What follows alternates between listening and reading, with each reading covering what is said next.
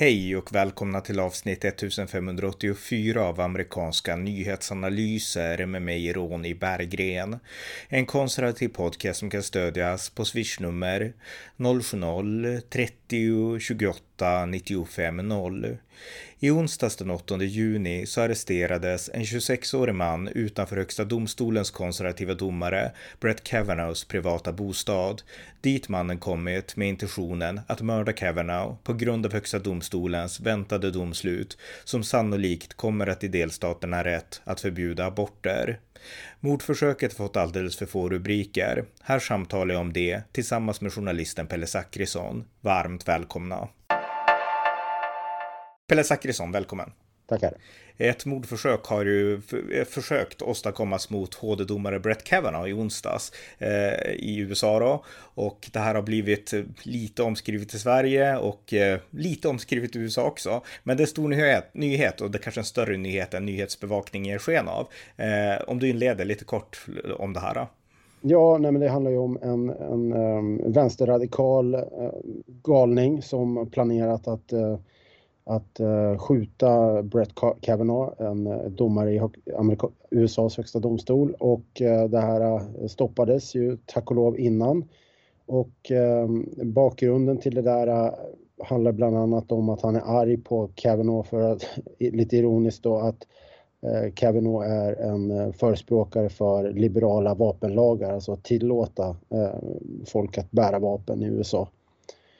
Så, så det är väl lite helt kort och sen eh, är det ju också det att eh, i dagarna så väntas eh, det här omskrivna eh, beslutet om eh, abort, om det ska återigen läggas ut på delstater, att eh, det, det liksom inte ska finnas ett skydd på federal nivå för kvinnor och abort utan att det ska avgöras på delstatsnivå.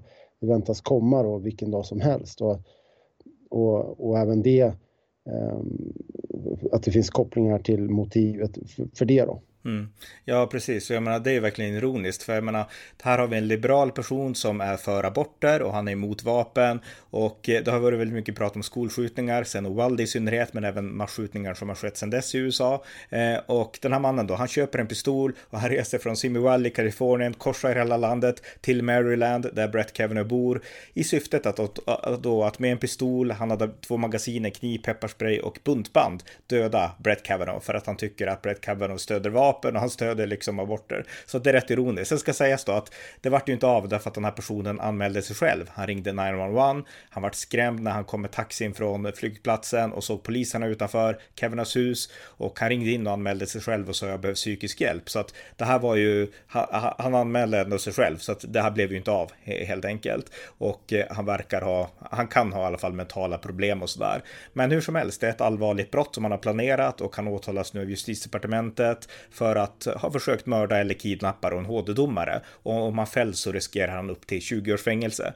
Så att eh, det är väl ja, händelsen då så här. Eh, sen är det också så att det här har, eh, det har lett till en diskussion om huruvida domarna har säkerhet i USA, huruvida de är trygga. Och ett lagförslag har bollats i kongressen, senaten har godkänt det men inte representanthuset. Eh, och det har bollats ända sedan den, eh, ja egentligen det var i mitten av maj som det läckte ett dokument om att högsta domstolen skulle upphäva rätten till abort eller möjligtvis göra det, upphäva Roe v. Wade. Och då var det många som demonstrerade utanför de konservativa HD-domarnas privata hem och eh, det här är någonting som det, det verkar vara lite diffust om det är lagligt eller inte men när Nancy Pelosi och Vita huset ignorerade att det gjordes och tyckte att folk har rätt att vara upprörda och då började man bolla ett förslag om att stärka säkerheten då kring HD och kring HD-domarna. Men Demokraterna förhalar och Demokraterna verkar verkligen, ja, alltså man kan nästan, jag vet inte om man kan skylla på dem att sådana saker händer, men de har ju verkligen inte föregått med gott exempel, eller hur? Ja, alltså det är ju det är från högerhåll, alltså från konservativt, från republikanskt håll har man ju faktiskt varnat för att det här skulle kunna hända. Så att det är ju faktiskt i det här, i, i det här så tycker jag att, att Republikanerna kan man säga att de har faktiskt sagt att det här, de här, den här typen av instigerande som faktiskt en del av Demokraterna sysslat med. Chuck Schumer har, har sagt att, att, eh, att om de om om, led, om de här domarna, om eh, Kavanaugh och eh, Neil Gorsuch, om de fortsätter och driver det här, då kommer de att få betala ett högt pris. Och eh, eh Clarence Thomas har ju uttryckt sig eh, liksom en oro över eh, säkerheten kring Högsta domstolen och sagt liksom det här är oacceptabelt. Men, men då har man fortsatt och, och liksom avfärdat det här från Demokraternas håll och, och det är det är ju tragiskt att, att det hamnar i, att det liksom ska gå så långt att, att en, en person reser över hela USA och eh, plan, liksom hamnar i ett läge att han är på väg att utföra ett dåd. Sen att han då avbryter det, det är ju bra men, men det visar hur långt eh, det här, det här har gått. Ja, och just den här retoriken då från Demokraternas håll, för det pratas nu mycket om de här äh, förhören då, om äh, 6 januari-upploppen förra året och det Trump då instigerade de här upploppen. Men jag menar, man borde ju hålla Demokraterna till samma standard när de liksom hetsar på mot konservativa högerdomare, för det gör, det är inte bara Chuck Schumer, utan det finns jättemånga exempel på att de verkligen, de hetsar mot HD-domarna och de gör ju även det när de ska nomineras, de här HD-domarna. Brett Kavanaugh inte minst, han varit utsatt för enorma personangrepp från Demokraterna demokrater och liknande. Så att man äggar upp ett hat mot de här domarna, det gör man. Och jag vet inte om man tar ansvar för det på, på liksom ett, det sätt man borde. Ja, alltså, det är ju viktigt att det är högt i tak, att man tillåts eh, att eh, med en eh, att man tillåts argumentera, alltså tonen tillåts vara hård men hjärtlig eller ja, vad man ska säga. Men, att, men som Chuck Schumer säger att, att Eh, Eh, att eh, Brett Kavanaugh kommer få betala ett pris om han fortsätter driva den här linjen. Det, det, är ju inte... Det är ju, för att tala med Stefan Löfvens språk, det är ju helt oacceptabelt. Mm. Ja, visst. Och det var så här också att eh, Homeland eh, Security, de eh, i samband med de här demonstrationerna som hölls då i mitten av maj i samband med att dokumenten läckte som visade åt vilket håll HD lutade i abortfrågan, då varnade Homeland Security för att attacker mot HD-domare kan, kan liksom bli ja, det kan komma ett ökat hot helt enkelt varnade man för och man ville att polismyndigheter och departement och så skulle vidta åtgärder. Så att det finns ju någon slags varningsflagg också för att HD-domarna och kanske i synnerhet då de konservativa inte går säkra. Sen som kuriosa kan sägas också att de här attackerna är inte så vanliga. Eh, senast någon attackerade eller försökte attackera en HD-domare, det var 1985 när en person sköt en med en pistol eller någonting, en kula in i bostaden till HD-domare Harry Blackman eh, i Harry Blackmans hus i Arlington i Virginia och det var den domare som skrev Roe v. Wade. Eh, så att det var senaste gången det hände och nu händer det igen när en annan domare planerar att kanske i alla fall avskaffa Roe v. Wade. Så att det händer inte så ofta som tur, var, som tur är, men, men hotbilden verkar ändå ha ökat.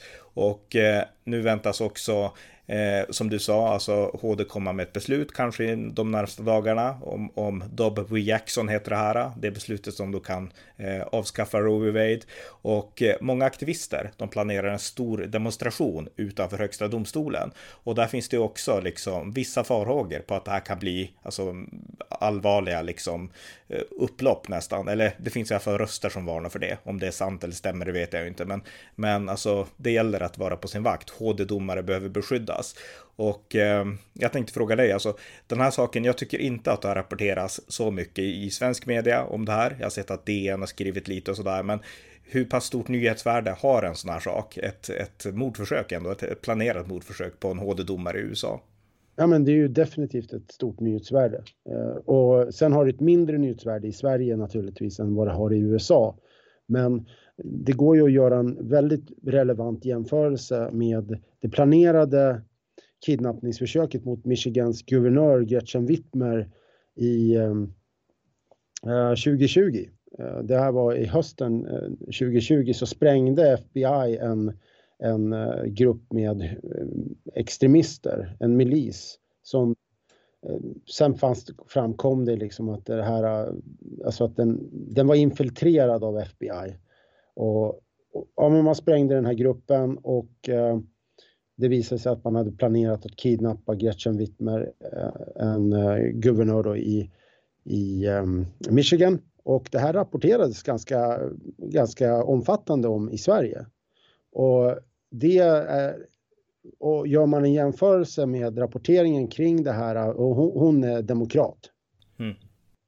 Och om man jämför rapporteringen kring det med rapporteringen av det här försöket eller den planerade attacken på Brett Kavanaugh då är det ju ingen, går inte att jämföra och, och, det är väldigt bra, liksom, går att göra jämförelser där och det visar på hur media i Sverige eh, inte håller, eh, det är liksom inte samma typ av rapportering. Nej, och det visar också lite grann att media är väldigt vänsterliberalt dominerad, både i USA och i Sverige. För i USA är det också kritik mot, som, som vi var inne på, att det här inte blir första sidonyheter och liknande. Och eh, tänk om det hade varit, eh, nu är hon ju död va, men den här liberala ikondomaren Ruth Bader Ginsburg, som det skrevs jättemycket om henne när hon dog i USA, men det gjordes också enorma saker i Sverige. Det var ju stora artiklar i alla stora svenska tidningar om henne, jag tror P1 eller Sveriges Radio i alla fall gjorde en dokumentär om henne och eh, alla visste nästan, det sändes en film om henne, eh, eh, RBG, eh, så heter den, eh, som handlade om henne på bio i Sverige. Så att det var en person alla kände till. Så jag menar, hade en sån som hon, en liberal domare, utsatts för det här, då tror jag att rapporteringen även i Sverige hade varit mycket större. Ja, apropå Ruth Bader Ginsburg, en, en samtida eh, domare, eh, Antonin Scalia, som dessutom var god vän med henne men var en riktig originalist, eh, dog ju något år innan. Det var ju ingen uppmärksamhet överhuvudtaget i Sverige när han dog. Det var väl någon enstaka, något enstaka inslag i, i Rapport typ. Mm. Men han var ju verkligen en som satte sin prägel på Högsta domstolen under lång tid. Och av de två så var ju han snarare, det var ju snarare Scalia som, som färgade, färgade eh, högsta domstolen eh, än, än Ruth Bader Ginsburg. Så att är det någon man skulle ha liksom uppmärksammat och, och liksom visat på vad de hade för betydelse för den amerikanska eh, högsta domstolen så är det ju Scalia. Mm, ja, verkligen. Eh, men det här visar ju lite grann om vi ska avrunda, så att det finns en slags slagsida. Dels så finns det ju i USA då, där det här ändå är liksom arenan för det här. Där finns det politisk slagsida att demokraterna vill alltid liksom, de vill liksom lyfta fram sina egna och eh, hacka på det som är konservativa domare. Men det finns också en slagsida i Sverige i förhållande till rapporteringen. Jag tycker att det är helt uppenbart. Och jag tycker att det är problematiskt därför att det, det är liksom, de här slagsidorna skapar polarisering. Det skapar ett läger av de bra bra eh, och av de dåliga och sen så blir det liksom hårda fighter liksom i förhållande till, till de sakerna. Jag menar, den här gärningsmannen, nu vet vi inte om han vart liksom upprörd på grund av att han kanske lyssnade på Chuck Schumer eller liknande, det vet vi inte. Men, men liksom just den här polariseringen, att man ska hata de som inte har samma politiska värderingar eller åsikter, den är ju väldigt farlig. Ja, ja visst. Och eh, både Donald Trump såväl som Chuck Schumer behöver ta, ta ansvar för hur, hur, hur, man, hur man så att säga, för att tala med en svensk politiker, hur man uttrycker sig, alltså Annie Lööf. Ja, just det. ja. Då, det är som sagt, alltså, det ska vara högt i tak, men alltså, att säga att en, en domare ska få riskera att få betala ett pris om de driver genom en viss typ av beslut, det är ju, det är ju liksom inte, det är inte okej okay någonstans. Nej. Så för att sammanfatta, så det här mordförsöket har fått alldeles få rubriker i USA men även i Sverige, för det här borde bli ett exempel på att vi, alltså det här är ju en fråga, abortfrågan till exempel, där tycker ju Sverige inte alls som man gör i USA, de flesta svenskar. Men det borde ändå vara ett exempel på när en HD-domare utsätts för ett mordförsök, att man ställer sig över de politiska åsikterna och inser att vi måste hålla samhället samman, våld är aldrig okej, okay, utan vi protesterar med ord och med liksom artiklar och sånt, men inte med våld. Det, det, liksom, det som borde bli en poäng även för en svensk ledartext kan jag tycka. Verkligen. Ja. Okej, okay, men tack så mycket Pelle. Tack. Tack för att ni har lyssnat på amerikanska nyhetsanalyser. Det har i sedvanlig ordning vill mana er som har möjlighet att stödja folket i Ukraina med ett bidrag till valfri Ukraina-organisation.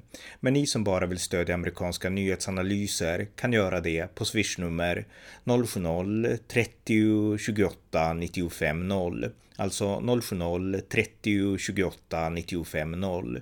Tack för att ni har lyssnat. Vi hörs snart igen.